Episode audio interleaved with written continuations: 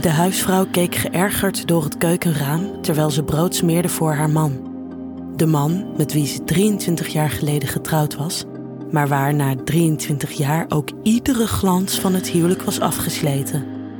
Vele ruzies en vele onaangename periodes had ze meegemaakt in de afgelopen jaren en het einde leek niet in zicht.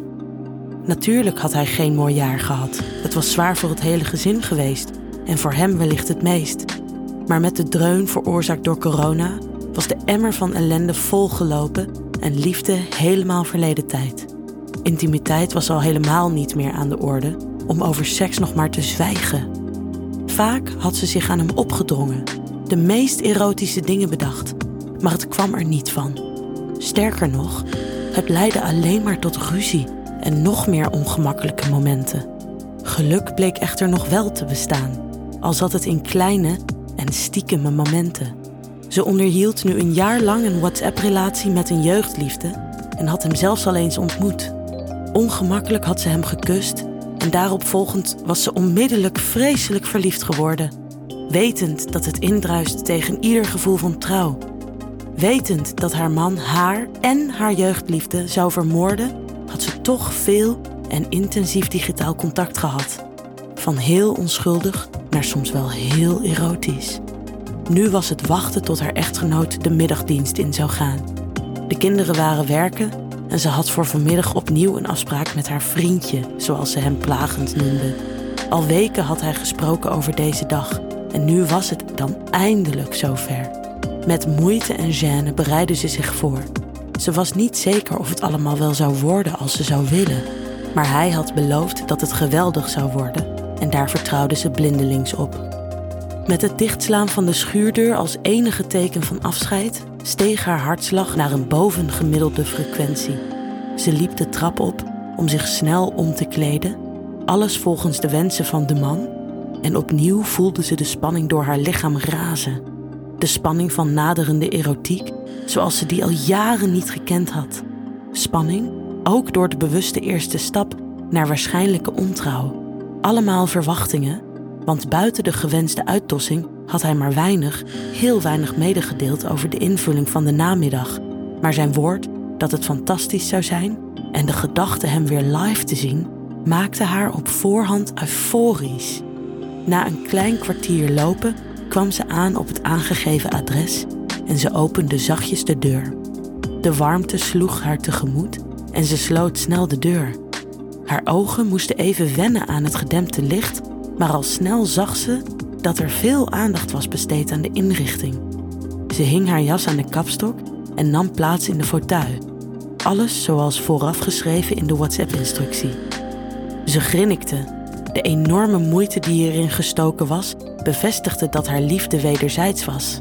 Ineens voelde ze dat ze niet alleen was en zijn aanwezigheid maakte haar onrustig. Ze hadden afgesproken om vanaf het eerste fysieke contact stilzwijgend te genieten en ze moest nu op haar lip bijten om niet te verzaken. Hij liet zijn handen rustig op haar schouders, niet meer en niet minder, en toch schoot de hitte door haar lichaam. Een korte tik met zijn voet en de rugleuning zoemde geleidelijk naar achteren. Zijn handen, met licht ronddraaiende bewegingen masserend op haar blouse, breidden langzaam hun werkgebied uit. Ze sloot haar ogen en genoot. Onderwijl voelde ze zijn ademhaling ook in frequentie stijgen en haar vrouwelijkheid begon zich door opgewonden hormonen meer en meer te bevochtigen. Hij ging voor haar staan en opende één voor één de knopen van haar veel te grote mannenblouse. Haar volle borsten en harde tepels spanden het kant van haar schitterende BH, daarmee haar moed duidelijk makend. En hij begon te grommen bij deze aanblik. Zijn masserende handen hadden onderwijl haar gehele bovenlichaam betast en waren ongoing.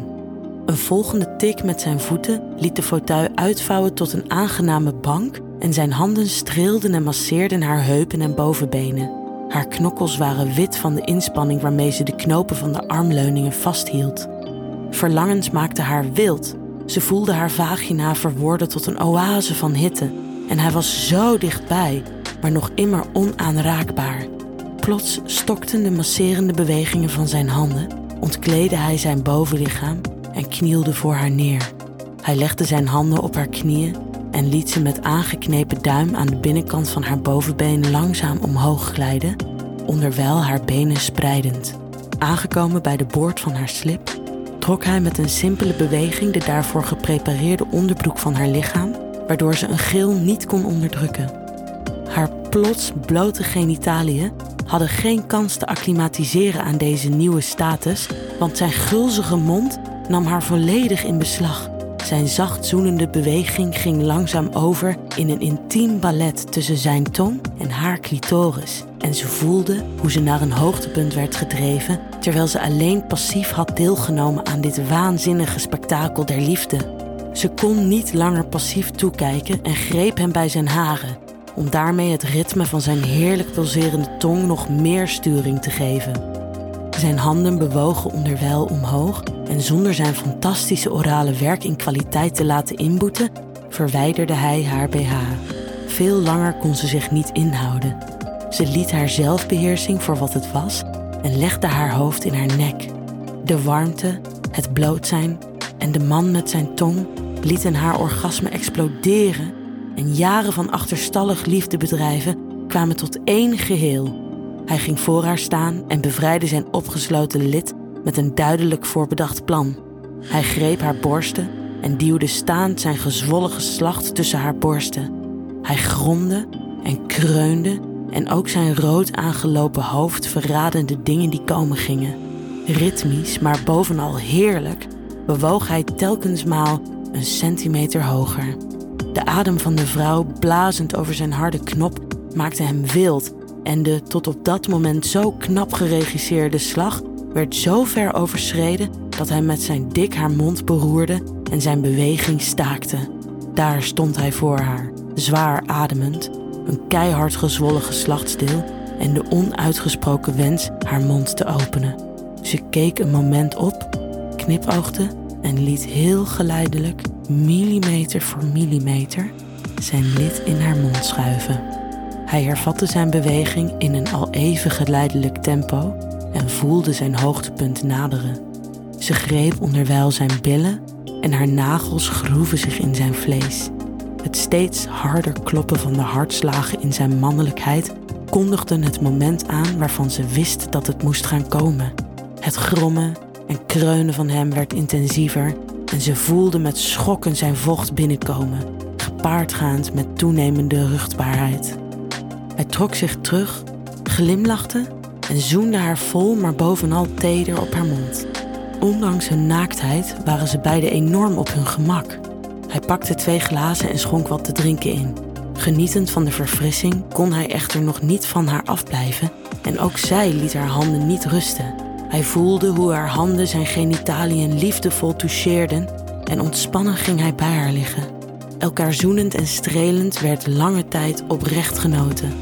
Vele kleine wederzijdse aanrakingen gaven langzaam een nieuwe boost aan seksuele verlangens. Hij masseerde haar vulva heel zacht, onderwel genietend van haar even zo aangename beroeringen van zijn lid. Langzaam draaide hij zijn gezicht naar de haren en hij zag haar twinkelende ogen en ondeugende glimlach. De aanrakingen door haar hadden hun uitwerkingen niet gemist en hij voelde hoe zijn mannelijkheid opnieuw gezwollen was tot een toorts van voortplanting. Hij ging op zijn rug liggen en manoeuvreerde haar heupen boven die van hem. Ondanks dat ze wist wat de bedoeling was, negeerde ze zijn dirigerende handen en schoof haar hete bliksem over de schacht van zijn gezwollen lid. Haar vocht liet zijn top glimmen en de beroering zonder penetratie voelde als koninklijk satijn, gekmakend aangenaam. Tot het moment dat haar speelse verlangen werd verslagen door lust en ze haar vrouwelijkheid liet vullen met zijn hardheid haar bewegingen boven hem en de blik op haar ritmisch meebewegende borsten brachten hem en daarmee haar opnieuw naar een hoogtepunt. Zwijgend nagenietend liet ze zich geheel bovenop hem vallen en hun bezweten lichamen smolten spreekwoordelijk samen tot de belichaming van liefde.